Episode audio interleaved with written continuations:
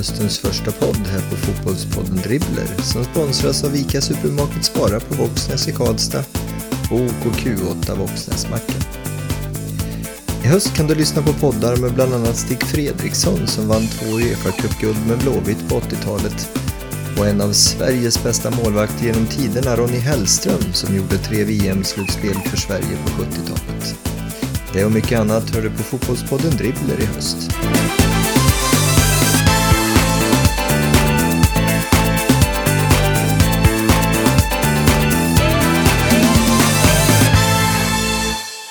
Inför dagens podd stämde jag träff med Stefan Ren och fick höra honom berätta om bastubad med Tommy Söderberg och videocoachning med Tobias Hysén och den mycket speciella relation han lyckats behålla till Djurgården och IFK Göteborg, de två klubbar han vunnit herrallsvenskan med både som spelare och tränare.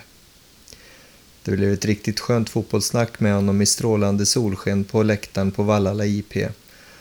Och Stefan, han var den solfattiga sommaren till trots oförskämt solbränd och fräsch. För det första så har jag nog lätt för att, att bli brun.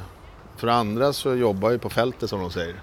Alltså jag ska ju vara på gräsmattan. Där gör jag väl förhoppningsvis mest nytta men som det har blivit eh, kanske lite mer nu för tiden så har det blivit mer data och så här involverat och det är både för och nackdelar. Samtidigt som man kan tycka att det, det är lite spännande. Alltså bra verktyg att ha. Både för mig själv men också för Alltså som det är nu då med tjejerna i laget och så här. De kan se sina egna matcher och, och man kan feedbacka och det är lite sånt där. Så att, eh, Jobbar jag, du mycket med det? Har, liksom, är det någonting som utvecklas? Ja, jag började väl för några... Egentligen så var det väl 07 som vi, som vi började och då, då, då var det egentligen, det var första året i Blåvitt. Vi filmade egentligen eh, alla våra träningsmatcher där när vi började. Så, här. så det var rätt kul och det, jag kan säga att det var en av de första träningsmatcherna där. Så, så var vi på en kille att du bör nog göra så här på plan. Så här, men det gör jag, sa han. Va? och jag, ska faktiskt, jag kan säga att det var Tobias Hysén var också. Ja, fast han kom senare då i och för sig. Men, men det här var med Tobias Hysén då. Alltså, nej men killar. Och det var ju både jag, Ted Olausson och Jonas Olsson. Vi satt och tittade på den här träningsmatchen vi hade spelat. Och, så Tobbe, fan du måste, det här tycker du ska göra. Liksom. Ja, men det gör jag. Nej, nej, nej. Vi, vi kollar på videon, tog vi fram det. Så, så tittade han upp och säger Fan grabbar, det, det, det, jag kan inte säga något annat att ni har rätt. Och det var inte det, utan själva grejen var ju bara, vi ville bli liksom att han blir medveten om ja, det här. Ja. Och jag tror att som ledare i mitt ledarskap så, och som tränare och ledare så en av de viktigaste grejerna det är att göra spelarna medvetna om saker och ting. Och då har vi ju, eh, om, man, om man pratar matcher och video och dator och allting sånt här. Alltså att göra, som i det här fallet nu, tjejerna medvetna eller killarna då. Att så här ser det ut på match. För många gånger när man pratar matcher någon gång, man kan prata, vet, som det har varit innan då. Då pratar man ju bara om alltså sina egna bilder som man har. Och inte, om man inte haft tillgång till till DVD och video och allt vad det är för någonting. Utan då sitter ju, ja, man har 22 spelare där, då är det 23 olika bilder liksom. Mm. Jag menar, om jag sitter och pratar om en situation så har du din bild i hjärnan så har jag min liksom. Men på något sätt så har du att du spelar upp det, så här såg det ut liksom. Då har vi ju facit någonstans. Och så pratar vi ju samma bilder. Så det är, det är en ganska bra start istället för 23 olika bilder. Mm. Jobbar du med den biten eller finns det, när man kommer upp på högsta nivå i Sverige, herr eller dam, folk anställda som klipper ihop sekvenser och sånt? Ja, i ehm, Blåvitt så var det inte jag som höll på med det.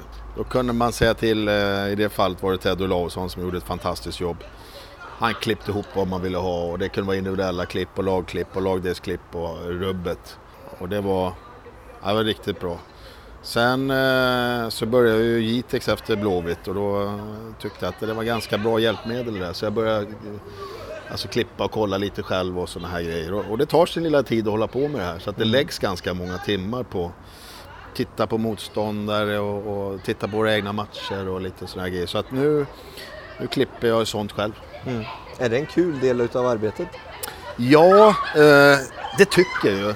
Och framförallt när man känner att vi anammar oss saker och ting, att, att vi, vi blir medvetna och, och säg att vi, vi, vi, tittar på, eller jag tittar på våra motståndare så tränar vi in någon liten variant, det kan vara en hörnvariant eller vad som helst. Så, och sen så lyckas det. Och, och så kan man feedbacka tjejerna med det liksom att här är de svaga, bort i stolpen, vad det är för någonting. Då är det ju väldigt roligt liksom mm. att man känner. Men när det går sämre ibland så känner man, vad fan. De har lagt så många timmar och så. Kan man känna så. att man hänger ut någon ibland när man visar sekvenser där de riktigt eh, gör någon groda? Ja. Eh... Får man vara försiktig då eller? Jag vet inte hur ärlig jag ska vara ibland här. Men det, det, det är ju, jag vet ju 07 när vi började med Blåvitt då. Och det året tog vi SM-guld. Och, och då sa vi det här handlar bara om ren utveckling. Att vi ska utvecklas alltså ihop och liksom lära känna varandra också. För att det här kan ju vara rätt så känsligt liksom. Att, och då eh, framförallt i början så tog vi kanske 50-50 grejer som vi måste bli bättre på, grejer som vi är bra på. Men ju längre året gick så tog vi mer och mer positiva bilder för vi märkte också att det var känsligt. Mm. Vi försökte inte hänga ut utan mer bara om det är återkommande misstag, kanske lagdelsvis och så här. Så att gör en en groda, så det var väl ingenting som vi ville hänga ut så. Utan det handlar mer om att är vi inte tajmade försvarsspelet, kolla backlinjen ligger alldeles för högt upp, de kommer in bakom våran backlinje. Och gjorde vi det flera gånger på rak så visar vi det exempelvis. Mm. Och så eh, visade vi det för grabbarna så gick vi ut och tränade på det lite sådär va. Men det gick ju ja, ända fram till fotbollsgalan så var det en kille som hade han tagit ett glas öl också. Så han sa, fan Stefan du har sagt att jag ska förbättra det. Och det har jag gjort va. Nu står vi som SM-guldsvinnare va. Men det var jobbigt att höra liksom. Va? Så det, det, är klart att det, då kom känslorna fram va. Och det är klart att det kan vara lite jobbigt men vi stod ju där och, och, och eh, skrattade lite ihop och tog en öl ihop och sa att fan det var värt det liksom. Mm. Och, det och det är liksom någonstans okej okay. och det är inte så jäkla kul och jag menar inte kritisera utan mer bara att vi skulle liksom, fan vi, vi lärde ju oss någonting mm. utav det. Mm. Och till slut så gav det ju liksom guld. Mm. Så att, eh, jag tycker på något sätt att vi växte ihop då, men han fick väl ta den mesta skiten då. Jag kanske, jag, jag stod ju mer och bara sa liksom, och det här kan vi förbättra, eller vi då. 50 år nästa år Stefan. Hur ja, känns det? Ja, ja det är lite konstig känsla. Jag har faktiskt inte haft någon sån här äh, åldersnoja hittills i alla fall. Så i, vad jag vet, jag kanske ska prata med frugan istället eller intervjua henne. Så vi är över 20 år ihop nu. Så, så jag kanske ska fråga henne om jag haft någon ålderskris där. Men det har jag nog inte haft utan mer bara att eh, fan det börjar bli till åren. Mm. Lite så. Mm. Det är ganska många år i 50 liksom. Det är många ATP-poäng. Om man Pappa har brukar säga att eh, ens ålder återspeglas i att man börjar få jäkligt gamla barn. Ja, ja det, det var tur att man upptäckte sex sent då. Nej, men...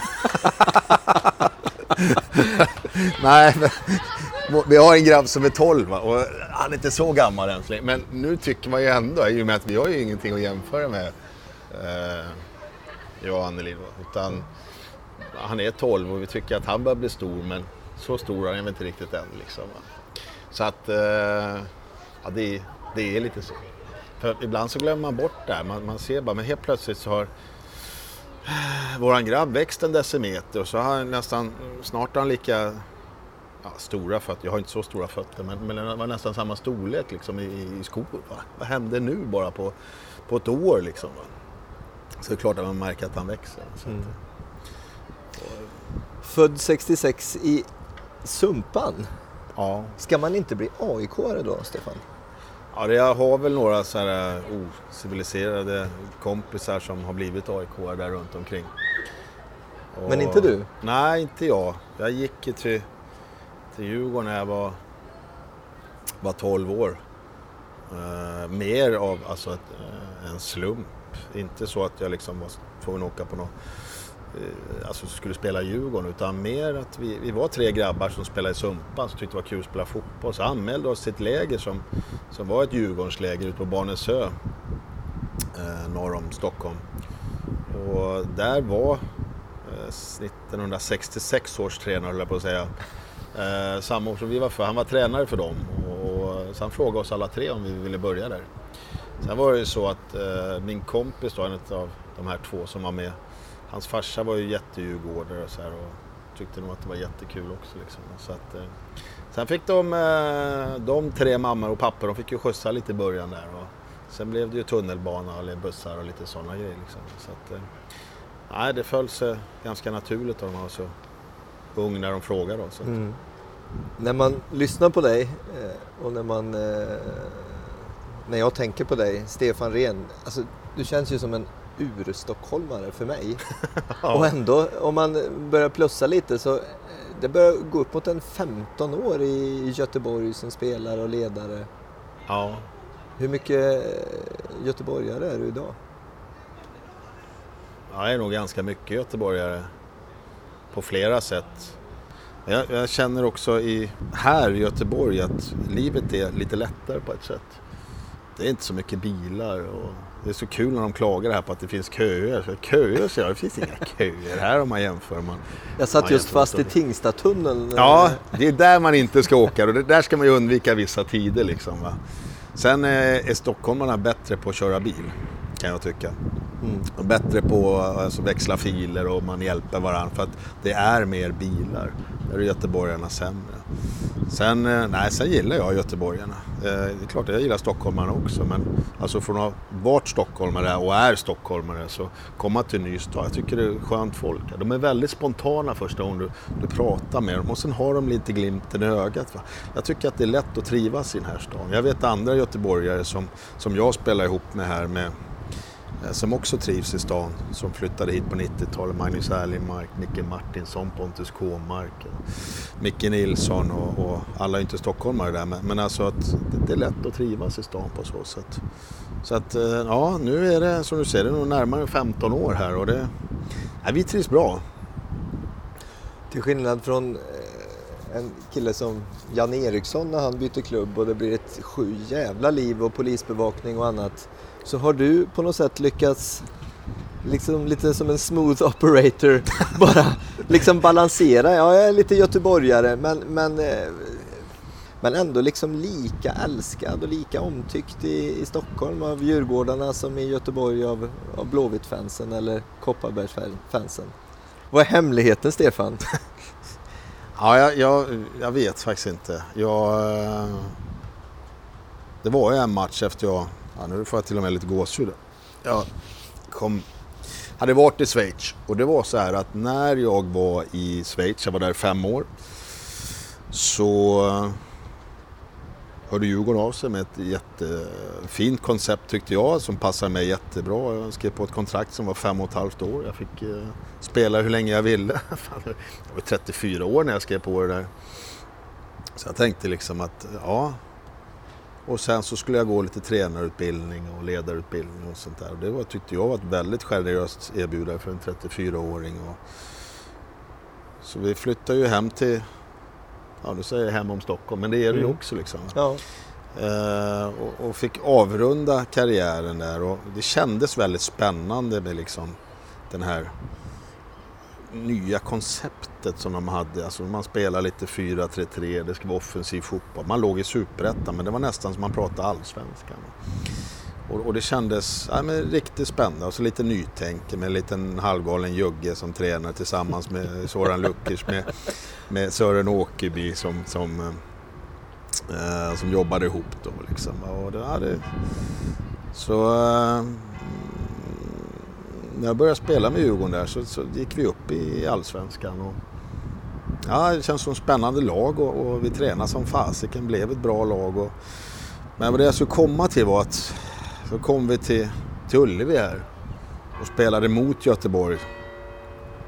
Och det var, eh, vi vann med 2-1 eh, med Djurgården då, och, och då kan man ju tänka sig liksom, fan nu kommer det här, ja, är de, eh, blir det här, ska det bli hata nu eller vad det nu blir för någonting. Men efter matchen så står det liksom eh, två klackar och ropar mitt namn.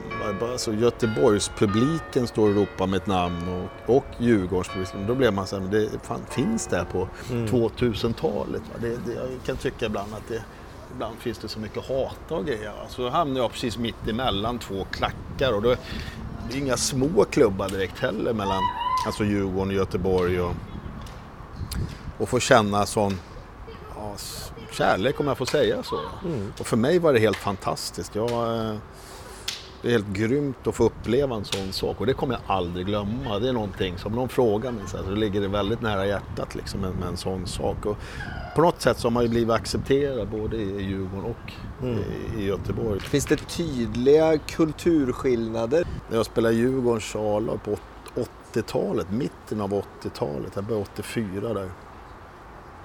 Med Hasse Backe som tränare faktiskt.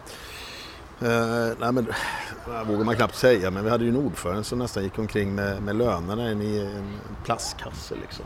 Mm. Och sen när man kom till, till Blåvitt så där märkte man en skillnad på professionalitet på så sätt att Blåvitt låg längre fram. Det var som materialan sa, nej massören var det, Palle han sa till Roger Gustafsson, sa att du är så jävla noggrann va. Så åker vi och spelar en bortamatch i Halmstad så ska du fan med ha två bussar med dig om den första bussen går sönder va. Och det kan bli lite jobbigt tyckte han då liksom. Ja, men det var lite sådär att de var, Roger då som tränare var väldigt noggrann med allting, alla detaljer och skulle se till att vi, vi, vi hade det bra och bara skulle fokusera på fotbollen. Och sen är det väl inte lika, eh, vad ska vi säga, eh, vi får ju runt och kuskar runt lite överallt på så sätt. Men, men det de ställde krav på det var liksom på plan. Mm. Sen fick vi hjälp väldigt mycket på utanför plan. Mm. Och där låg ju Djurgården, tycker jag då, en, hel, en del år efter. När jag kom tillbaks andra vändan så tyckte jag liksom att då, då började det hända grejer med Djurgården. Man styrde upp saker och ting. Och det var ju ja, runt 2000 där då, när jag kom tillbaks. Då började det liksom riktig, riktig träning och, och med styrketräning och, och men är du med och påverkar det då med din rutin och att du kommer in och snart ska avsluta en karriär och kanske har någon tanke om att bli tränare? Liksom, driver du på den utvecklingen då? Det var redan där när jag kom. De hade redan börjat med styrketräning och det som var kul att se det var ju liksom att det var många, ganska många hungriga grabbar och, och det, man såg ju en framtid i det här. Men också från, från klubbens sida, man såg att den, liksom, den var ju på väg att växa allting sånt. Va? Så vi hade ju några fina år på 2000-talet där som, som innebar SM-guld bland annat, ett par stycken. Och, eh, ja, tre stycken fick jag med om. En som spelare, eller ett som spelare och, och två som tränare. Men, men eh, just den här professionaliteten som förändrades, jag skulle nog säga de där ja, fem, sex åren i alla fall. Mm. Där förändrades klubben mycket och den är ju väldigt välskött idag på så sätt. Uh, om man tittar på att de är, är väldigt professionella. Sen gäller det att sköta ekonomi och allting mm. sånt också. Så att, uh. Och när pengar kommer in också, kan man, kunde du liksom se en skillnad i det också? Påverkar det spelarna väldigt mycket i dina ögon när, när pengar kommer in i, i samband med det? Om du tar Blåvitt på 90-talet när vi spelade Champions League och allting sånt så tyckte inte jag att man såg någon skillnad på på spelarna på så sätt.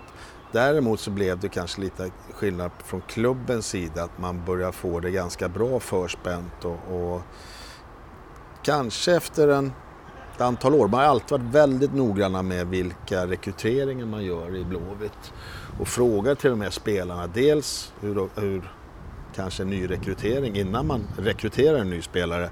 Alltså fråga spelarna om du exempelvis har spelat med den spelaren, hur han är som fotbollsspelare men också som människa. Eh, jag tror inte att de var lika noggranna i slutet av 2000-talet med, med kanske göra riktigt de här grejerna utan man hade pengar, man handlade mm. och ibland så kanske gick det för, för fort på så sätt. Men till slut så sinade ju kassan även för, för Blåvitt också. Jag tror väl att förhoppningsvis så lärde man sig någonting därifrån. Gör du så som tränare om du är intresserad av en spelare? Kan du gå och snacka med någon i ditt lag och kolla hur är den killen eller tjejen sådär, tror du de skulle passa in i gruppen? Ja, jag tror att det är jätteviktigt. Eh, sen kan man alltid försöka bilda sin uppfattning. Men om du inte känner en spelare, basera dem på plan och sådana här saker. Va? Men, men eh, jag tror att många, i mitt fall i alla fall, så jag, jag, tycker det är jätteviktigt vad det är för karaktär, att man vill någonting på fotbollsplan. Och, sådana saker och kanske drivande i en utvecklingsfas så att säga. Att sådana spelare vill man ju ha. Uh, tittar man på, om man tar Blåvitt på 90-talet då, uh, man tittar på en sån som Thomas Wernersson, den gamla målvakten.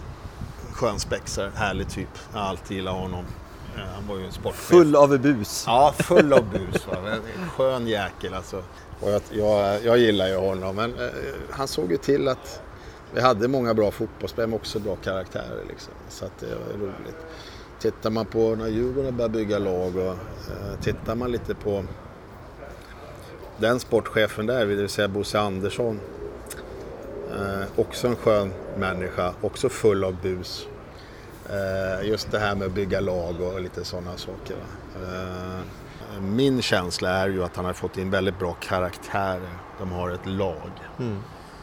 Och eh, när man ser på pappret så kanske inte det laget är fullt av stjärnor idag. Utan det är ju lite nya, unga, hungriga spelare som är ganska okända för många.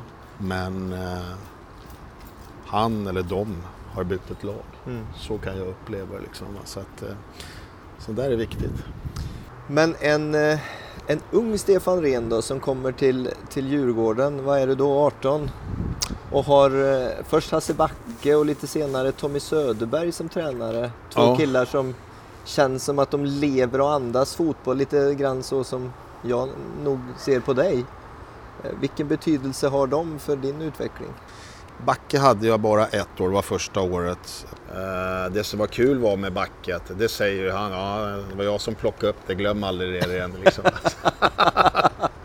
Nej, alltså, jag var tacksamhetsskuld till Backe liksom. Alltså. Forever. Ja. Nej, så att jag tyckte väl han var bra så, för han vågade satsa på mig liksom. Så att det, det var väldigt kul. Sen eh, då kom ju Mr Söderberg in. Nej, Söderberg han var cool snubbe. Alltid gillat honom. Dels som fotbollstränare och ledare men också som människa. Han såg ju liksom helheten i en annan som människa på något sätt. Att, eh, Jag har hört honom beskriva som att han, han kunde glida in på ett hotellrum och sitta och köta med spelarna och snacka hästar eller, eller Ja, någonting liksom, på ett sätt som kanske inte andra tränare skulle göra. Ja. Nej men det, absolut, så var det ju. Eh, han, han kom ju in på både det ena och det andra. Jag kommer ihåg, vi satt i någon buss någon gång så varför, varför är kossorna mer svartvita uppe i Norrland och brunvita i, i Skåne? Liksom. Han, alltså, han, han har ganska bred repertoar, en väldigt social kille liksom. Va? Så att, eh, och just det här med hästar och grejer liksom. Va? Och, Nej, så även om jag, det skilde ju några år mellan oss om man ska säga så. Alltså, kändes inte som det när man pratade med honom. Utan Mm. väldigt eh, öppen och, och jordnära person. Och, Kan man tappa i respekt eh, mot spelare om man kommer för nära? Kan det vara en svår eh, sits? Jag tänker i Djurgården, då var du, var, var du då 36-37 ja. och kliver från spelare och till tränare. Kan det där vara en svår övergång? Eh, det skulle det kunna vara. Jag vet ju, jag hade ju mina största tvivel. Första träningen med Djurgården. Då tränade jag alltså dem, och då var jag individuell tränare. Då var ju Sören Åkerby och Soran Lukic kvar. Och eh, då tränade jag alltså de grabbar jag hade spelat med alltså Mm. året innan. Och det var för mig lite konstig känsla. Och där var det så här, hur fan kommer grabbarna ta det här nu liksom, va? Så då plockade jag ut lite spelare och eh, liksom, grabbar som var 30, Marcus Karlsson exempelvis. Ja, du ska träna på det här liksom. Och då, och då är frågan så här, kände jag så här att tar han det? Ska han skratta nu, eller vad händer här nu liksom? Ja. Men det kändes som att, nej men fan de körde. Och det var inga problem liksom. Nej. Utan då kändes det väldigt bra. Men det var min största fråga. Alltså sen. Och efter det så kunde jag andas ut och kände så här, men fan, det här blir bra, det kör vi. Och så får vi se vad det blir av det. Däremot det här just att är man för tight jag tror ändå att du kanske har lite, distans på något sätt med, med, med spelare och så här. Men jag kommer aldrig glömma att Tommy Söderberg berättade en liten eh, historia. Eh, och så kände jag i bastun på eh, Stockholms stadion. Och vi satt där. Och det var liksom ingen, ingen sådär. Men han, han berättade, tror jag, lite i förtroende. Fast han bara berättade den rakt upp och ner. Och jag satt där så jag tänkte, fan, han berättade det här för mig. Och jag är, vad var jag då, 19 år eller något sånt här. Och, fan, det är rätt stort liksom, kände jag. Att, att han, han öppnar sig så och berättar den här grejen. Och tänkte, fan, det är... Han måste ha förtroende för mig liksom. Mm. kände jag någonstans. Och, och det här har jag tänkt på som ledare. Hur, hur, liksom, hur öppen kan du vara ibland? Så ibland tänker jag så här, vad fan ska man bjuda på? Ja, men skitsamma då. För ibland kan man känna så här, ja. Då tänker du på Tommy i bastun? Ja, ja, lite sådär liksom. Va? Och det var, missförstå mig rätt, det var inget äckligt eller snuskigt Nej, eller något nej, sånt där. men utan ändå han någonting bara som gjorde att du kände att han litar på mig liksom. Ja, ja precis. Va? Och det var mer bara liksom att, och det har jag tänkt på flera gånger, ja men varför ska jag inte kunna bjuda på det här? Tommy bjöd ju på det här. Mm.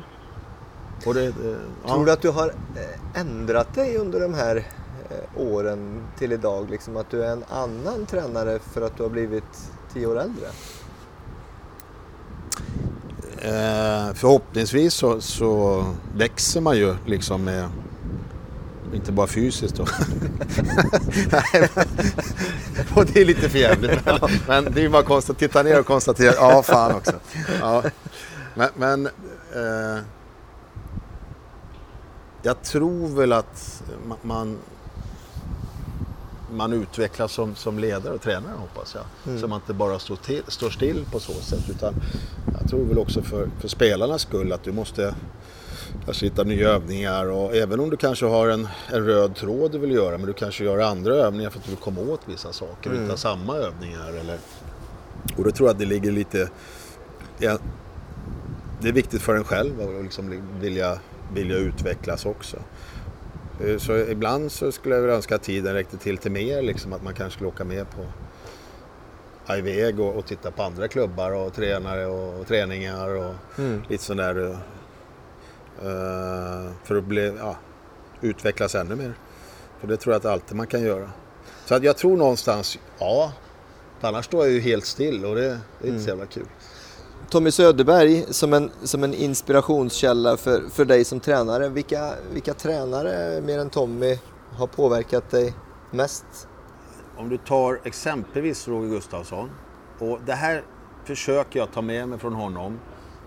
Men jag står inte alltid för det. Jo, jag står för det, men jag gör inte alltid det.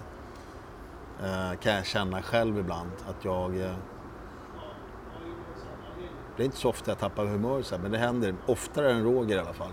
Han såg ju till att vi mådde bra och vi hade ett bra lag, men vi hade ett jävla lag med vinnarskallar.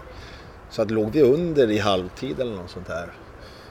Han behövde inte höja rösten. Utan det var ju 20 grabbar i omklädningsrummet som var förbannade. Hur fan kan vi spela så dåligt? Så då lugnade han oss åt andra hållet istället. Så att ja, men vi spelar ganska bra killar. Och det var nästan som man blev mer förbannad. Vad fan säger du liksom?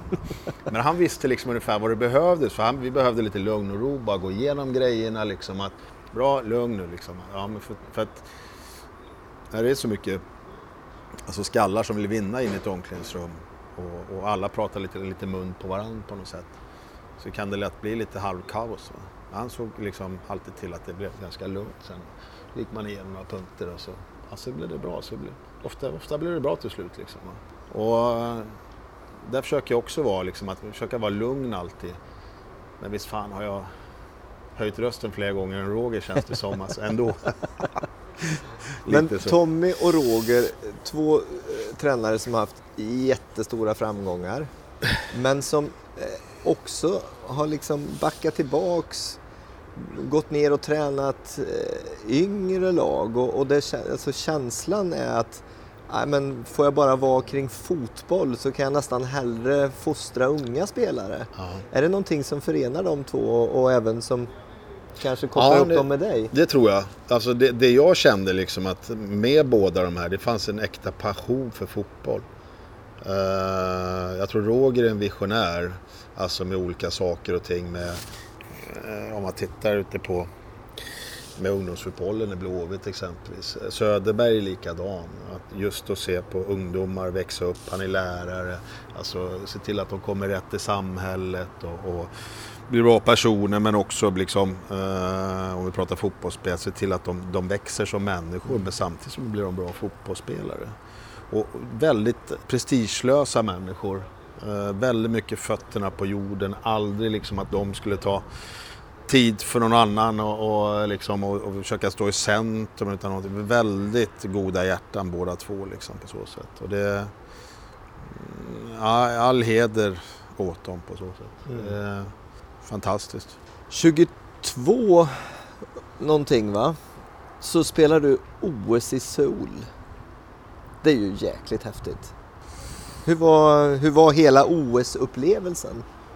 Den, den var den var ganska läcker men jag fick inte så, eh, vad ska vi säga, första delen när vi spelade och var kvar i fotbollsturneringen så fick jag inte så mycket OS-känsla för vi bodde 30 mil utanför OS-byn. Mm. Men det spelade egentligen inte så stor roll. Visst var det kul att kanske liksom känna att man skulle vilja vara i OS-byn men man var ju där och spelade fotboll liksom. Eh, sen åkte vi ut, jag tror det var, var det åttondelen eller kvarten mot Italien. Kvarten va? Ja, var det kvarten? Ja, mm. jag tror vi förlorade mot Italien där. Eh, då åkte vi in och så bodde vi i OS-byn en fyra, fem dagar och det var ju ganska läckert liksom. Det var ju rätt kul att se en... Eh, man satt och såg på TV någon som man styrkelyft eh, eller vad det nu är för någonting och jag kan inte alla begrepp i allting. Va? Så en timme senare så stod han i matkön före mig och hade inte ens duschat. Va? Det är ganska läckert alltså. Ja. Fast man kanske inte njöt av svettlukten så. Men, så att, men, ja. fanns det tid liksom den där, jag tänker just den här OS-känslan att vara en del av något större och nu är vi det svenska laget liksom. Kunde, ja. kunde man insupa det under de dagarna? Ja, men framförallt när man, och då hade vi ju sjuka, då hade vi åkt ur liksom. Va? För att det, jag, jag tyckte mer att för vi, när vi bodde där utanför och 30 mil, då var det några få lag där utanför och vi, vi spelade. Det var precis som att vi låg på någon träningsturnering någonstans mm. i, i, eh, som det kan vara i ja, Portugal och sånt där. Så då, då, fick man inte riktigt den känslan. Däremot så eh, när man kom in då i OS-byn som jag sa att det var ju... Men det var ju också att man, vi var ju inne och gick där med svenska, jag tror faktiskt jag har den här OS-kostymen kvar riktigt gräsligt ful men kycklinggula sådana här gabardinbyxor. Och sen en, en blågul liten sån här, ja. Skulle möjligtvis alltså. funka i någon sån här 80-tals eh, eh, fest eller något? Ja, ja men ja. lite så. Ja. Och, och, jag har väl egentligen den kvar för att den är lite kult på något sätt. Inte för att jag tycker att den är speciellt snygg. Va? Så att, eh, men, men eh, när jag ser den och framförallt byxorna, liksom, gula gabardin sådär, liksom, kände att... Det har hänt lite? Ja, det har hänt lite på så ja. sätt. Va? En erfarenhet som kommer eh, strax därefter det är erfarenheten av att bli proffs. Ja. Flytta till England. Ett Everton som eh, på den tiden, de hade väl vunnit ligan va? Det här är ju innan Premier League. Men de hade väl vunnit ligan något, några år tidigare? Ja, några år tidigare. Så du kommer liksom 85 till en... tror jag de vann. Kan det stämma? Men det var, var, Eller var det, det något senare? Några år senare Ja, men 87 vann de inte FA-cupen och sådär. Ja, ja, det är ju liksom ja. ett lag i, i, i, för att sätta det i perspektiv. Du, går, du kommer till ett lag som är i den högsta nivån. Ja. Hur, hur var hela den grejen att, att bli proffs? Han var ganska läcker för det, alltså på den tiden, nu vet du nog var liksom att det plingade i rutan och, och, det var ju bara Premier League liksom. Och det var, det var ju läckert liksom. Och ingen hade ju varit där på många år. Det var någon Jeppe före mig där. Nej men alltså som... Och det, det var ju liksom, det var inte så att man kunde ringa till några och säga tjena, fan jag kommer till England här utan det var ju, jag var ju själv där först då liksom. Va? Men det var ju spännande liksom att Premier League också utav alla ligor sådär. Och... Var, hade du flera anbud liksom eller var det att du fick ett här ringer Everton, det är bara att sticka liksom, eller hur var det? Ja, det du hade var... väl kört en fem år eller något i Djurgården va? Ja, eh, det här var ju sommaren 89 då. Och vi hade spelat landskamp. Här ser man lite vad det här landslaget, om man är med i landslag, vad det kan göra också. Vi spelade landskamp mot Brasilien och vann med 2-1. Så efter det så pratade jag med några klubbar och faktum var att eh, jag satt och pratade med Wenger Uh, och han ville att jag skulle komma till Monaco. Coolt. Han sa att ja, men du får du spelar med bredvid Glenn Hoddle. Skojar du? Glenn Hoddle? Ge mig kontraktet liksom. ja. fan. Men jag sa att det hänger på en sak. För det var ju bara tre utlänningar på den tiden då. I, tror jag var. Kan ha varit det. Men han sa så här att vi måste sälja en spelare annars går det inte. Va? Och det är inte säkert att det går. Uh, om det nu hängde på ekonomin några gånger. Eh, sen gick ju det några dagar och jag satt där och hoppade. Han skulle höra av sig igen och det gjorde han ju. Men tyvärr så hade han ju liksom lite dåliga, de hade inte lyckats sälja honom. Så jag, det vart ingenting. Men eh, jag hade erbjudanden från några andra klubbar också, bland annat Everton. Och, eh, men hade jag nog fått välja så hade jag nog valt Monaco. Alltså just det här med franska fotbollen och, och eh, Glenn Hoddle gillar ju liksom på något sätt. Va? Svårt att inte gilla sen, honom. Nej, men sen var det också så här att de var först också. Det var inte riktigt, alltså eh, Everton kom några dagar senare. Så att det liksom hade inte, hade inte han liksom tackat nej då, alltså de fick inte sålt det vad det nu var för någonting. Så hade jag nog gått till, till Monaco. Eller jag hade gjort alla dagar i Ja, veckan. ja. Eh, däremot så kom ju det här med Everton sen. Och det, det var inte så att jag blev ledsen på något sätt. Nej, men det kom ju några dagar senare.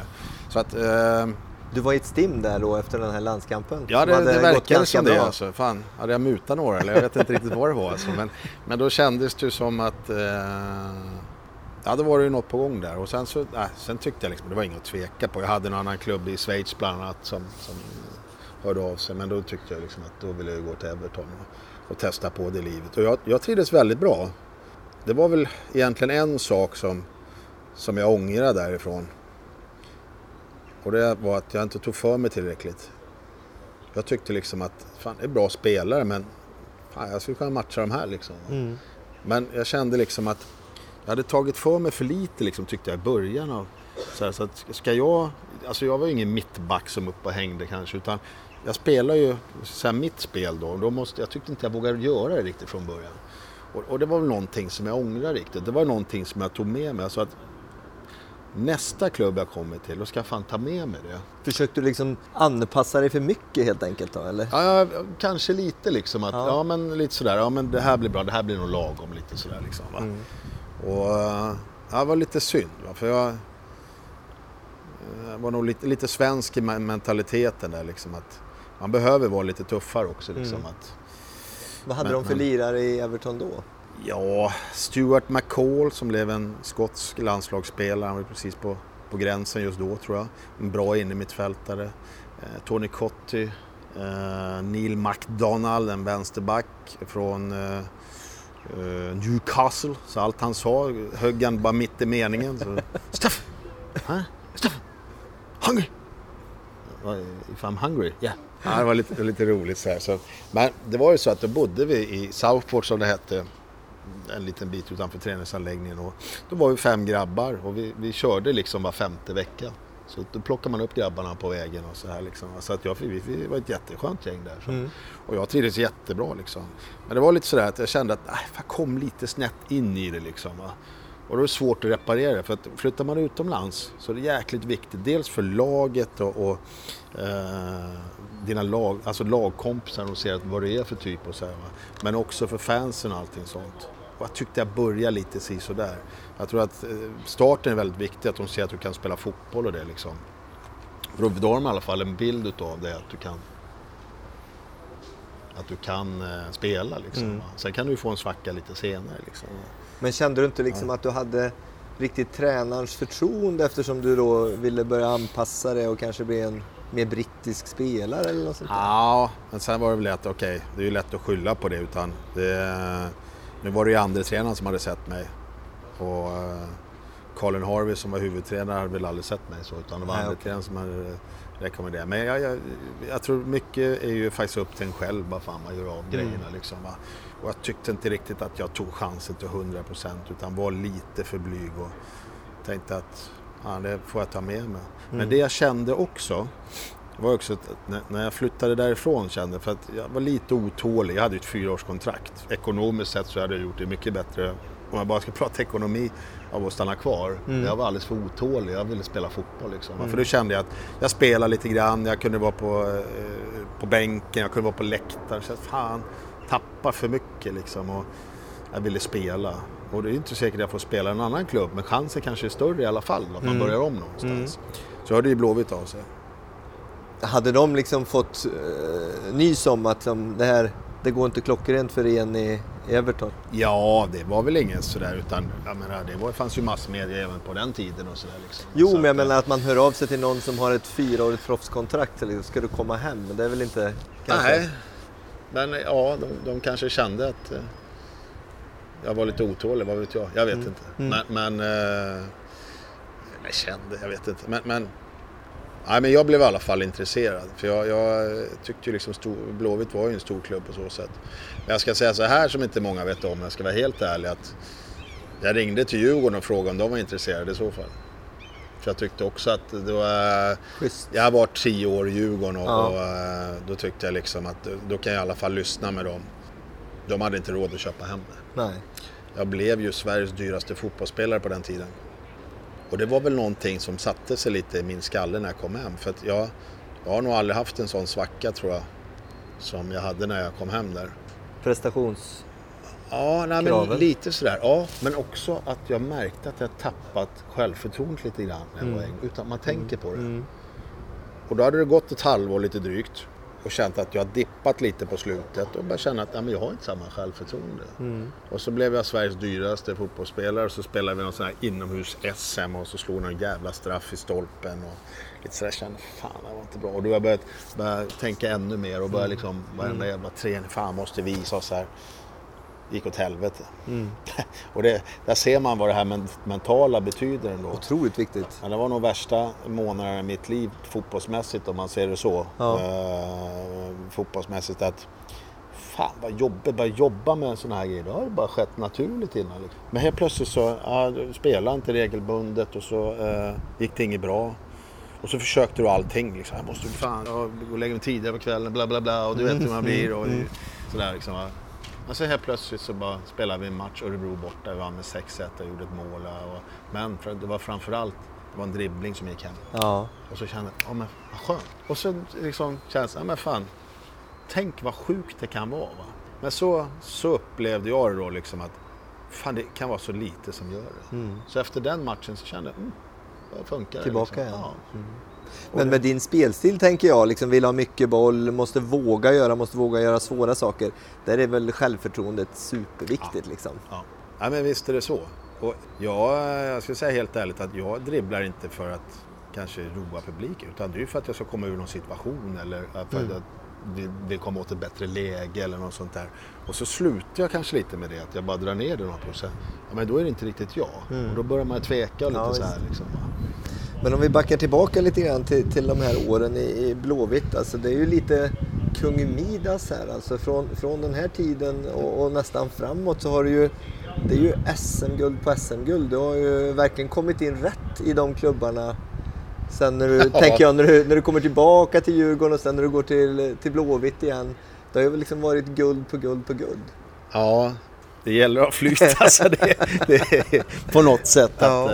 eh, Ja, men Blåvitt kom ju tillbaka där i början på eh, 90-talet när du, du kommer dit. De har ju haft en kanske en liten, liten svacka efter det här eh, 87-guldet, Uefa-guldet. mm. Men hur var, hur var de fem åren? För det var ju ett otroligt framgångsrikt fotbollslag. Ja, det var fantastiskt roligt. Det är faktiskt sex och ett halvt år som jag var här. Ja. Och eh, det var väldigt mycket minnen. Alltså eh, om vi tittar fotbollsmässigt som man fick vara med och uppleva med vinna Svenska Cupen och SM varje år förutom ett. Mm. Och få vinna det liksom och, och sen men det året så var vi ute i Champions League för första gången. Och då, då var det bara åtta lag som gick till Champions League tror jag. Och då var vi ett bland dem och då kom vi tvåa i gruppen. Fick inte ens spela någon semifinalen. Utan då var det ettan där, ettan där och Milan var ju före oss i, i gruppen. Så mötte de ett, så blev det final tror jag. Men det, de andra, men då var vi ju liksom bland de fyra i Europa tror jag. Något sånt där, om man ska ja. räkna det så. Ja, ja, visst. Och vi kunde åka iväg, vi kunde sitta, ja, gick, samlas på Kamratgården fredags eftermiddag och eller lördagsmorgon och sen drog vi iväg till Tyskland och vi spelade fyrmansvist va, och 12 timmar senare man var framme ut och spelade match och så spelade vi match och så hem igen 12 timmars fyrmansvist och, och landade här höll jag på att säga med bussen och på söndag morgon. Och så. Och så tänkte man, fan vad fan gjorde jag i helgen? Jag spelade fyrmansvist. Ja, så var det match emellan, ja just det. Ja, det var lite sådär. Men, var, Det sådär, var det en lite sån här nästan som surrealistisk känsla? För här snackar vi liksom, det var Man United, det var Bayern München, det var Milan, det var Ja. Barcelona. Det, Ja, det är ju ver- verkligen eh, right up there med de absolut bästa. Ja. Och det, det var fantastiskt när man spelade. Vi kände ju liksom att vad fan, vi har chansen varenda, vilka vi än möter kändes det som. För att det var ju inga som... Visst, det var jättebra lag och med, och med all respekt, men vi, vi, hade ett jävla bra lag. Alla var snabba utom jag tror jag. Jävla... Ja, men vilken, och jag vet att Blåvitt pratar om det här. Ska vi klara oss nationellt, alltså satsa på ett internationellt lag, ett snabbt lag liksom. Okej, okay. för en annan som var skitbra. Du sprang ju vindpundar runt omkring det liksom. Så det var, det var jättebra liksom. Nej, så det, det, var, det var nästan lite otroligt. Och man hamnar i en slags bubbla med, med fotbollen ibland. Och ja. När man är liksom ur det så eh, då tittar man tillbaks ibland så här att Fan vad roligt det var liksom. Mm. Och vi hade ju fantastiska, alltså spela med vilka karaktärer till människor som jag berättade om. Det smällde ju på träningarna och så här. Men men så man gick ut därifrån, det var allting som vanligt. Så gick mm. man och käkade med laget, hade roligt ihop. Det var fantastiskt roligt ihop liksom. Det är det jag menar, att fan, man brydde sig inte om man åkte till Tyskland och spelade och, och, och spelade en fotbollsmatch. Det var roligt i bussen och, och spelade mm. en fotbollsmatch i Tyskland. Och, det var ju förberedelse för liksom, spela internationella matcher. Och, vi åkte till Skottland och spelade matcher, vi åkte till Holland och spelade matcher. Det var mycket förberedelse för, för internationella, att vi ska klara av det väl. Men jag tror, jag tror ju det. Så ska man göra det så kan man prata mycket man vill i teorin, men det måste vara där i praktiken och mm. spela de här matcherna. Liksom. Så, Vilken av de här eh, matcherna och arenorna tänker jag eh, minns du som, som eh, riktigt häftiga? Alltså, om man om man tittar på, alltså man mött Manchester United, Barcelona, Bayern München och jättehäftiga lag och, men de största minnena, alltså på, på ett sätt, om jag bara pratar publik, så är det Turkiet.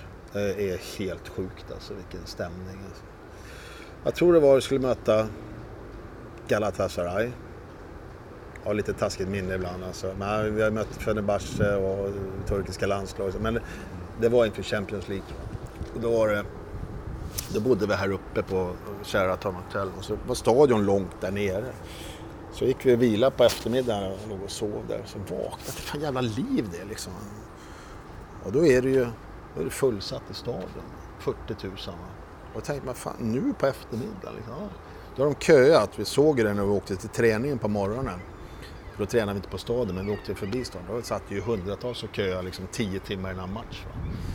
Och sen så, ja, vad blev det då? Sex timmar innan match, fem timmar fullsatt liksom. Så när jag kom dit, alltid när jag kom till Turkiet så var det alltid liksom Ja, 5-0 står alltså. 5-0, 5-0.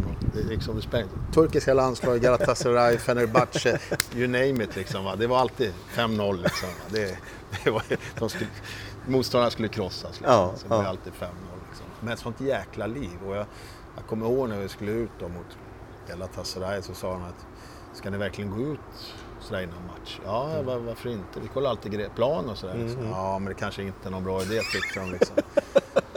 ja, här var, var, nej, men det är ganska livat där ute liksom. Jaha, okej. Okay. Och du vet, det var ju verkligen livat va. Och, Ja, då var det fullt som sagt. Och det, det häftigaste var då, så att om du har en rena som såg ut så här då, fast då är det 10 000 på varje. Ja. Så börjar de sjunga där och så börjar de hoppa. Sen fyllde nästa i, sen nästa, sen nästa. Sen stod 40 000 hoppa och bara sjöng liksom. Och så kom vi ut där, det blev ett jävla liv. Då pratade vi två timmar om matchen och det blev ett jävla liv. Och bredvid mig landade en jävla kniv liksom de kastade in. Va? Eh, fast den var inte, den var sån där man kunde fälla ut. Liksom. Man bara, oj, här blir det livat idag liksom. Va? Och eh, jag ska nog säga så här helt ärligt att den, den matchen Ja, vi har nog aldrig haft så lite boll tror jag i en match. Inte ens mot Barcelona borta tror jag.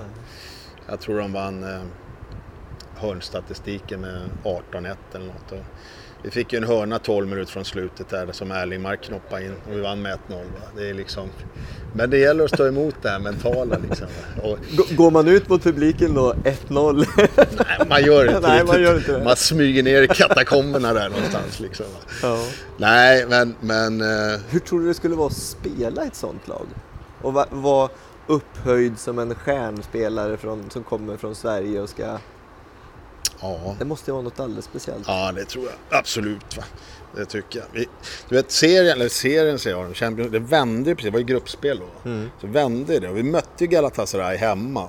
Och jag mötte en kille, en liten kille, jag tänkte fan han var inte så jävla mycket en Djurgården. Alltså med all respekt. Jag, jag, tyckte inte han var så bra på Ullevi liksom. Va? Så jävla bra han var hemma sen. Vad fan har du käkat tänkte jag liksom. Va? Jäklar vilken sprutt det var. Men just det här med, om man tittar med bland annat turkiska lag. Det är en skillnad om man spelar borta grekiska lag. Mm.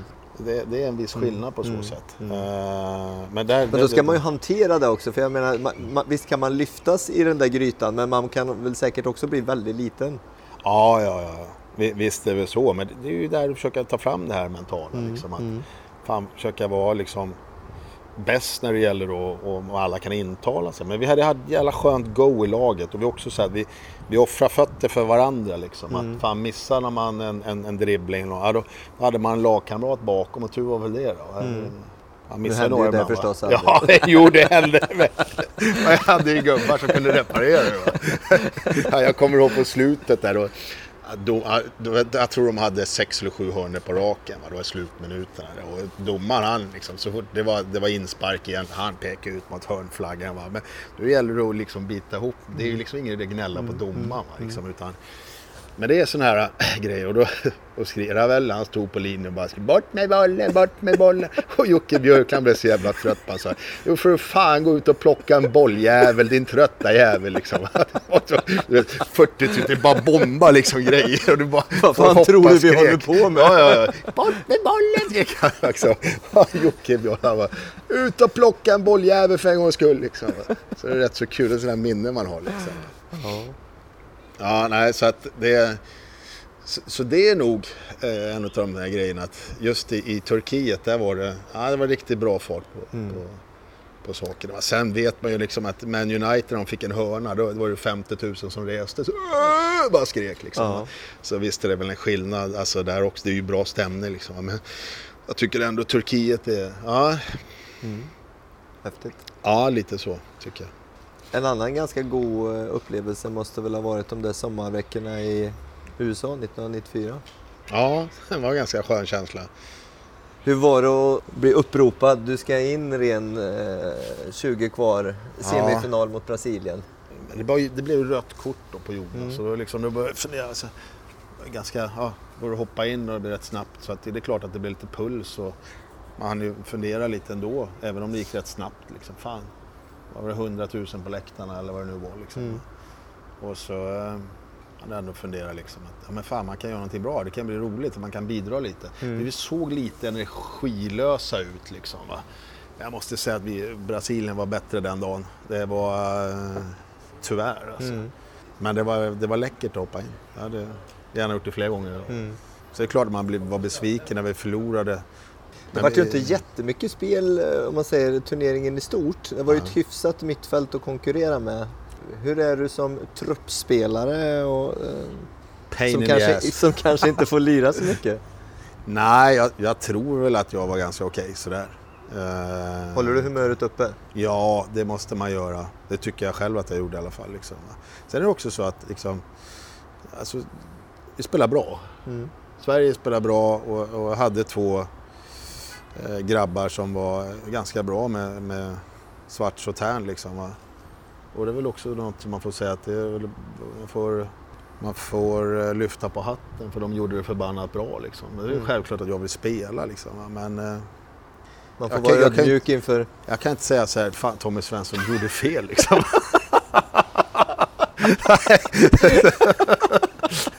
Men med i laget så har vi vunnit guld liksom. Det, det, känns inte riktigt rätt. Hörru. 20 år senare vill Ja, jag bara precis. säga. Hur fan tänkte du? ja, nej lite så. Ja. så det, det, är liksom, det är bara att lyfta på hatten. De, de grabbarna var bra liksom. Och det var många som spelade ordinarie i bra lag. Liksom. Mm. Med både Svarts och Tern och, och Brolin och eh, Patrik Andersson. Och, alltså, fan, bra lag. Och det, det krävs nog att man spelar i hyfsade lag utomlands i alla fall. Och sen Mm. visst allsvenska lag också, så var inte det. Men att du spelar i rätt så bra lag för att komma någonstans. Jag tänker på, man pratar om landslaget idag liksom. Att det är lite eh, si och så med speltiden för många. Liksom. Mm. Och då är det inte så jävla lätt att prestera landslaget heller. Jag säger bara på den lilla tid som jag var i Everton och, och inte spela. Jag tänker på sånt som Rosenberg som eh, kom hem till Malmö och presterade direkt. Vilket jag kan för då funderar jag på sådana här grejer. Fan, det där är bra gjort alltså. Mm. Jag hade inte spelat mycket på ett och ett halvt år tror jag det var. Och, eh, komma hem och prestera på en gång. Medan Mm. jag kanske liksom, fan det tog flera månader innan jag liksom hittade Mm. det rätta självförtroendet och mig själv liksom på så sätt. Men den här tränarkarriären som, som följde sen efter eh, den aktiva karriären, efter VM och proffssejour i Schweiz. Och, var det liksom alltid givet för dig att förlänga din karriär med, med en tränarkarriär? Nej, inte ens nära om jag ska vara helt ärlig. Utan jag har alltid gillat att spela fotboll. Jag har aldrig funderat på så mycket att vara tränare tror jag sådär utan det är mer bara att jag tycker fotboll är jävligt kul och det tycker jag än idag. Så att, eh, hade jag inte haft fotbollen så vet jag fan vad jag skulle göra. Jag är utbildad målare egentligen. Och det är jag jätteglad för att jag gick för nu kan jag i alla fall måla och tapetsera lite sådär. Men, men eh, och, och, eh, det är mycket roligare att jobba med fotbollen om jag ska vara helt ärlig. Och jag har ju fått stora nöje för att liksom få jobba med det här heltid. Liksom. Men det visste jag inte då när jag var yngre. Utan Mm. mer bara när jag... Man kände, framförallt var det när jag skrev kontrakten med, i, i Schweiz där med Djurgården. Ja, där du kunde få välja när du ville kliva av. Det Ja. måste ju vara en, en unik förmån. Ja, Mm. helt sjuk. Mm. Så jag hade egentligen, jag var lite sugen på att sluta året innan jag slutade. Jag slutade ju efter 2002 då. Och 2001 kom vi tvåa i Allsvenskan. Det var lite sådär, men fan det kanske är bra nu lite sådär. Men så hade jag ett långt samtal med Putte Karlsson och ja, han ville ju, eller de ville att vi skulle fortsätta ett år till. Men det jag såg var att vi skulle kunna vinna SM-guld. Det var det som triggade mig ett år till Mm. liksom att spela. Sen tyckte jag ju fortfarande att det var kul att spela, annars hade jag nog inte gjort det. Vi spelar, en, tycker jag, en rolig fotboll. Det var kul liksom att spela. Det var inte bara liksom skillnad, ja, jag tar ett år till och försöker hålla sig kvar i Allsvenskan. Utan vi var ju bland topplagen och spelade bra fotboll. Jag tyckte liksom att fasiken alltså, ja, men det kan bli spännande år. Och då körde jag ett år till liksom. Mm. Eh, men hade vi, hade vi gått sämre, jag vet inte fan om jag har kört ett år till. Men jag ska säga så här helt ärligt att Djurgården har inte vunnit sedan 1966 och det var det året jag föddes. Tänk om man kunde få avsluta Mm. med ett SM-guld. Liksom, va? och, för tvåa är ingen jävel som kommer ihåg och jag, tvåa det det är samma sak för mig också. Okej, det, det är väl inte så dåligt men det är fan inte... Det är inte etta. Nej, det är inte etta liksom. Så jag tänkte att ja, ja, ett år till, ja chans, jag ska ge det ett år till liksom. Va? Så att det var... Eh, Och då, bara ett par år senare, var det 2007, då blir du utsedd till Sveriges bästa tränare. ja, nej, 2009 var det. Var 2009? Ja. Och så nu klivet över till, eh, från herrfotboll till damfotboll. Mhm. Och då tänker jag så här, Stefan Rehn, nästa förbundskapten. Va? Nej, jag tänker väl inte riktigt i de banorna. Inte? Alltså, nej, alltså... Eh, Alltså om du, det- när, Hamrén tillträdde, Ja. var du, var du med i något snack? Nej, det tror jag inte. Det är inte jag det är ingen som har snackat med dig? Nej, Nej. nej, nej. För jag tänker att då, jag menar, är man eh, i, i toppen utav bland de allsvenska tränarna så ska man väl ändå kanske finnas med i snacket. Nu var du ju ganska grön då, men, Ja. men nu? Ja, jo. Eh, men, men det är ingenting som jag går och funderar på. Jag funderar liksom på nästa tre, nästa match och sådär. Liksom att jag är rätt övertygad om att gör man ett bra jobb någonstans så kanske man får ett nytt jobb. Och det är det viktigaste. Men jag, jag tror att eh, för mig har det alltid varit viktigast att man trivs. Både som spelare och ledare och det är någonting som jag gör. Jag trivs med det här, det jag håller på med idag. Så att... Eh, Du går i ja, nästan lite Tommys sö, och- sö, och- och Söderbergs och Roger. Ja. ja, men eller hur? Ja, ja men så är det lite. Får jag Absolut. bara vara kvar i den här miljön så det är inte, jag tolkar det som att du säger att det är inte liksom något visst mål som är det, något lag eller så, eller?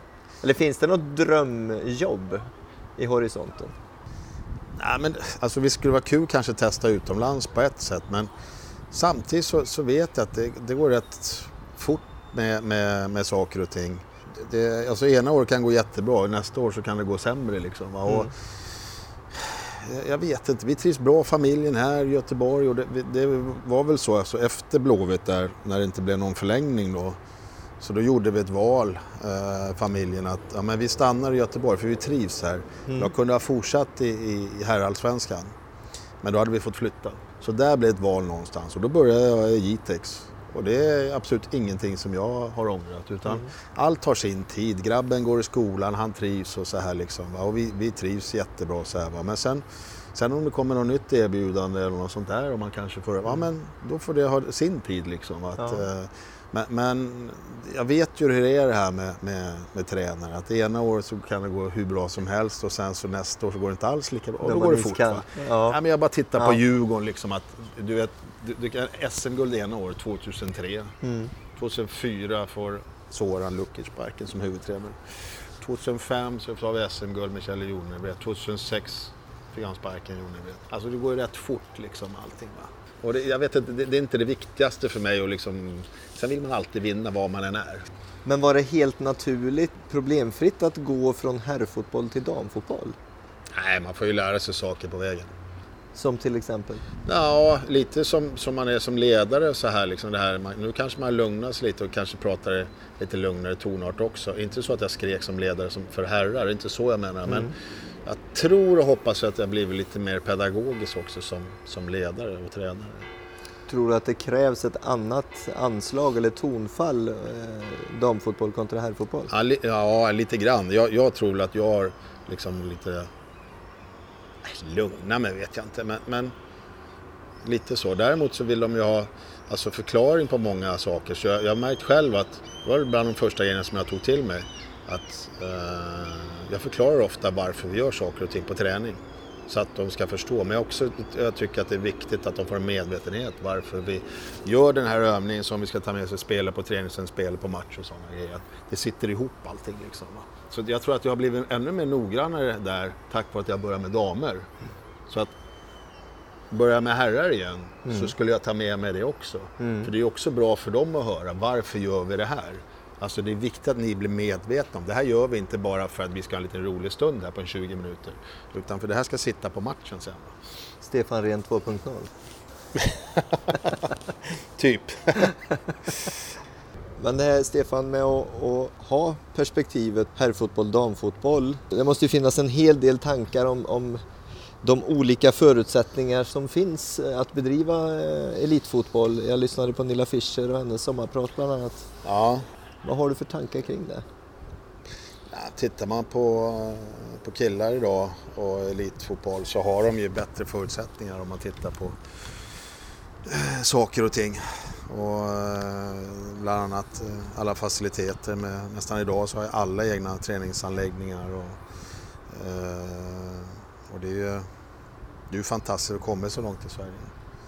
Tittar man här med, med tjejerna som ja, de flesta jobbar Uh, går liksom inte att jämföra med inkomst och så här. Men det har ju med efterfrågan att göra så att det är, blir vi bättre att spela Champions League och så kommer det kanske mer folk och då får vi mer intäkter och lite sådana, mer sponsorer och allting sånt. Va? Så att uh, det går ju hand i hand det där liksom. Mm. Så att det hade ju varit uh, en målsättning. Tänk om vi kunde få alla få, vi kan träna ännu mer. Jag vet ju bara när jag började här så, så har de tränat måndag, tisdag, torsdag, fredag, match lördag så vill jag införa onsdagsträning så jag började med det utan att fråga någon. Det har varit ett jäkla liv. Alla jobbar ju fullt onsdagar. Det var inte det bästa. Va? Ja, du måste ha lite frid i truppen. Va? Det, ja, när ska vi jobba då, säger de liksom. Vi jobbar onsdagar heltid. Alltså. Så det var ju bara att ändra, men sen, sen är det så att... Eh, och då hade de kört så hela året. Men jag ändrade det sen, att få dem ett schema tidigt. För jag vill liksom, allt ska vara upp eh, på, på vår, sommar och, och höst så ska det vara alltid, eh, upplägget är ju efter hur matcherna är. Mm. Inte liksom hur dagarna är. Och mm, så, mm. så att det fixar de så det är inga problem. Bara de har ett tidigt schema. Men det hade ju varit lite drömmen, det går inte att jämföra. Det var likadant jag började. När vi skulle ha styrka här så tänkte jag, men vi kör fotboll på förmiddagen och så bokar alla tider här. Det är ju många lag som vill, vill vara här också. Va? Men så bokar jag förmiddagstiden här och kan köra fotboll tyckte jag. Inte alla dagar, men flera dagar i veckan. Och så kunde vi köra styrka på eftermiddagen. Det var ju bara det att styrka på eftermiddagen, det är ju fullt på gymmet. Det är mycket bättre att köra på förmiddagen. Mm. Har alla de här tjejerna som lirar i Kopparberg, Göteborg, eh, alla har jobb eller pluggar? Finns det några som jo. kan leva på det? Ja, jo, jo. Mm. Men sen är ju allt relativt. Vad, vad är leva på det? Mm. Jag, jag vet ju Eh, vissa lever väldigt snålt fast de lever på fotbollen. Va? Men, men eh, det är några som bara spelar fotboll, det är det. Va? Mm. Och sen, eh, tittar man generellt så skulle det vara väldigt kul om vi kunde få Att man inte behövde bry sig om att de jobbar på så mm, sätt. Utan mm.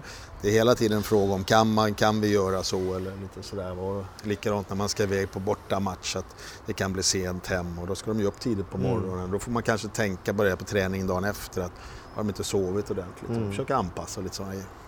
Men tycker du att det görs tillräckligt för att så att säga lyfta, vi pratar om utbud och efterfrågan, men jag menar att, att lyfta frågan eh, och ge damfotbollen kanske eh, mer resurser för att de ska kunna utveckla sig. Jag menar en sån sak som att vara en heltidsspelare och kunna leva på sin idrott, det är klart att det måste ju utveckla sporten enormt. Ja, jag tycker ju det. Och det hade ju varit jättekul om det kunde vara så. Att man fick mer resurser. Samtidigt ska man inte gnälla för mycket. Liksom, att, eh, det är som du säger, det är frågan om utbud och efterfrågan. Liksom. Mm. Vi har, har 550 snitt på våra matcher. Då bör vi ha, kanske ha lite fler och vi, vi bör kanske ligga ännu högre upp i tabellen. Förra året kom vi trea med Ja, nästan tvåa, men det, mm. räcker inte. Va? Utan vi måste vara bland de två bästa om vi ska spela Champions League. Va? Mm. Eller, ja. Och då, eh, då måste vi bli bättre också. Va? Men jag eh, tycker ändå att det är på rätt väg om man jämför. Jag ser ju ungefär samma problem som herrfotbollen. Eh, eller problem, men lite samma frågor som det diskuteras idag. Det var likadant med herrfotbollen för 15 år sedan. Mm. Om vi pratar med det här med landslag och hur många dagar och internationella dagar och allt vad det är för någonting. Mm. Och, och, lite sånt. Så jag tycker ändå att eh, om man jämför, nu var jag på VM i Kanada som och Kanada är kanske inte mest kända för sin damfotboll på så sätt. Men jag tror, jag tror att snittet var runt 25 000 på, mm.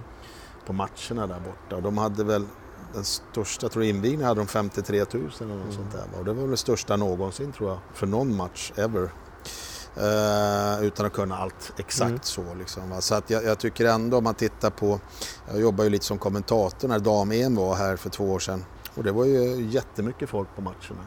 Det var helt otroligt. Och så man vaknade man upp på något hotell i, i Linköping eller något sånt där och var typ Holland mot Tyskland och då såg man ju människor som satt med holländska och tyska tröjor ner på frukosten. Mm. Och jag frågade lite, jag var lite nyfiken på sådana här grejer. Har de åkt dit för att de känner? Nej, nej de åkte dit bara för fotbollen och mm. tittar på damfotboll. Det, det växer ju för varje dag som går liksom. Alltså, det är en oerhörd sport att växa liksom. Mm.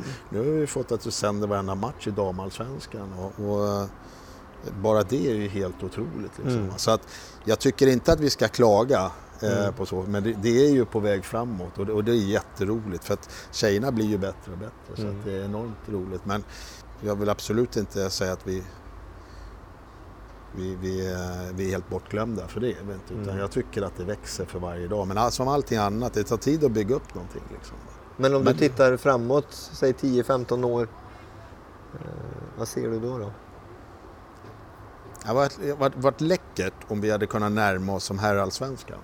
Dels med liksom arenor och faciliteter och träningsanläggningar och allting sånt. Och det, det är mycket bättre än det var för 7-8 år sedan på så sätt. Va? Men, men många klubbar balanserar ju på ett streck idag eh, vad det gäller ekonomin bland annat. Som, det är inte så lätt med sponsorer och allting sånt. Va?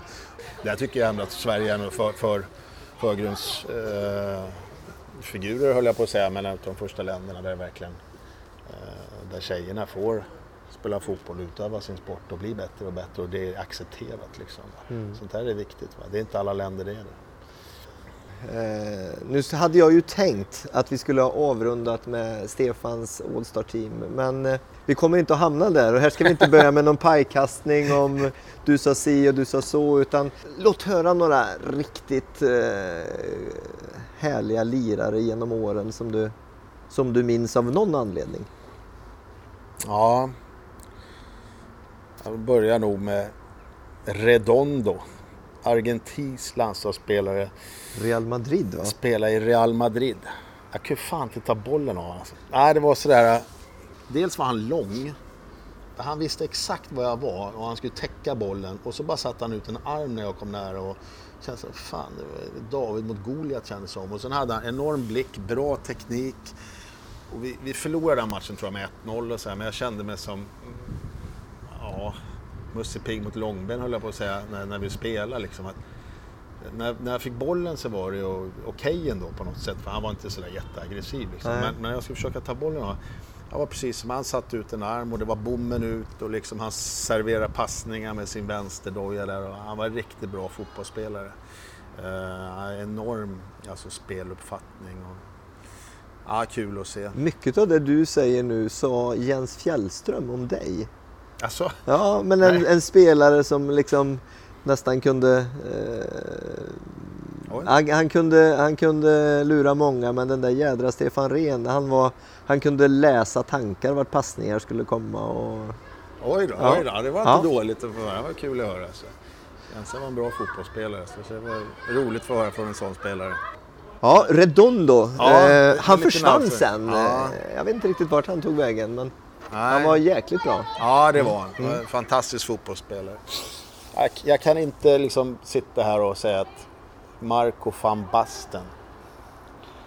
Champions League, mötte Milan borta. Van Basten, Blåvitt 4-0. Han gjorde alla fyra med bicicleta och det var grejer. Och, ja, han gjorde sådär som man bara kände, wow.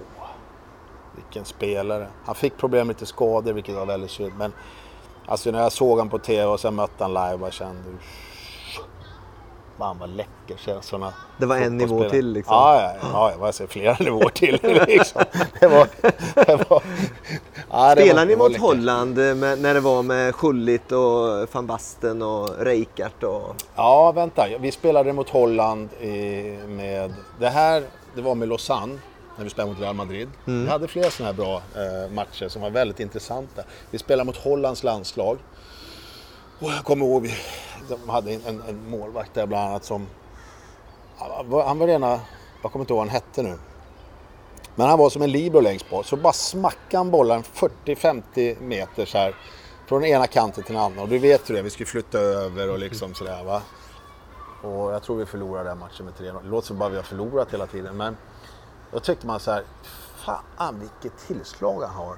Jag vet, bollen nere på, alltså på vänster, våran vänstersida och de spelar hem till mittback, han, han spelar till mål. Sen drämde han en 50 meter över på andra sidan och där står, de spelar ju nyttrar så i Holland. Där stod han bara, han la millimeterpass, klockrent mm. liksom. Ja, det var bara flytta över igen. Mm.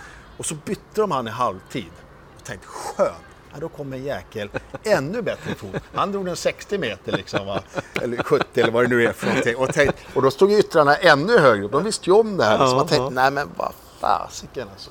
Sen fanns det ju lite andra bra lirare där mm. också som, mm. som, som, vi mötte då. Va? Så det, Hollands lands, och Holland för mig, jag har alltid, alltid gillat Holland. Det är ingen tillfällighet att vi har fyra holländskor här i Kopparberg. Mm, mm. Nej, men lite så. Jag tycker de har...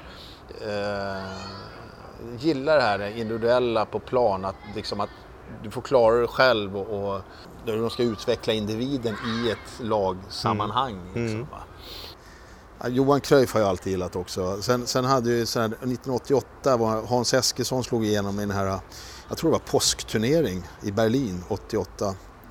Och, och då var det ju fyra lag som var med. Ska vi se då. då var det ju Ryssland, Argentina och då pratar vi Maradona. Va? Mm. Och då mötte Argentina Ryssland. Och vi mötte, jag kommer inte ihåg vilka det var. Men vi vann, så vi gick till final. Och så bara vänta på, nu får ju Argentina slå Ryssland så kanske man får möta eh, Maradona. Där då förlorar de. Så då fick jag aldrig möta honom. Vilken skit! Ja, men verkligen alltså. Ja. Så att nu sitter jag och pratar om spelare som jag har mött. Du sitter jag ska ju göra det, men jag fick aldrig möta en av de största som jag tyckte då. Va? Ja. Han var ju fantastisk alltså. Ja. Så att, eh, ja, jag pratade med en spelare som jag aldrig fick möta, men jag tyckte han var bra i alla fall. Att, eh, ja. Det får ja. bli slutorden Stefan Rehn. ja. Tack så hemskt mycket. Det har varit eh, jäkligt kul att få höra om din karriär. Tack, tack så mycket Kent. Tack. Ett stort tack till OKQ8 Våxnäsmacken och ICA Supermarket Spara på Våxnäs som sponsrar Fotbollspodden Dribbler. Där du den 16 oktober hör Stig Fredriksson berätta om sin fotbollskarriär.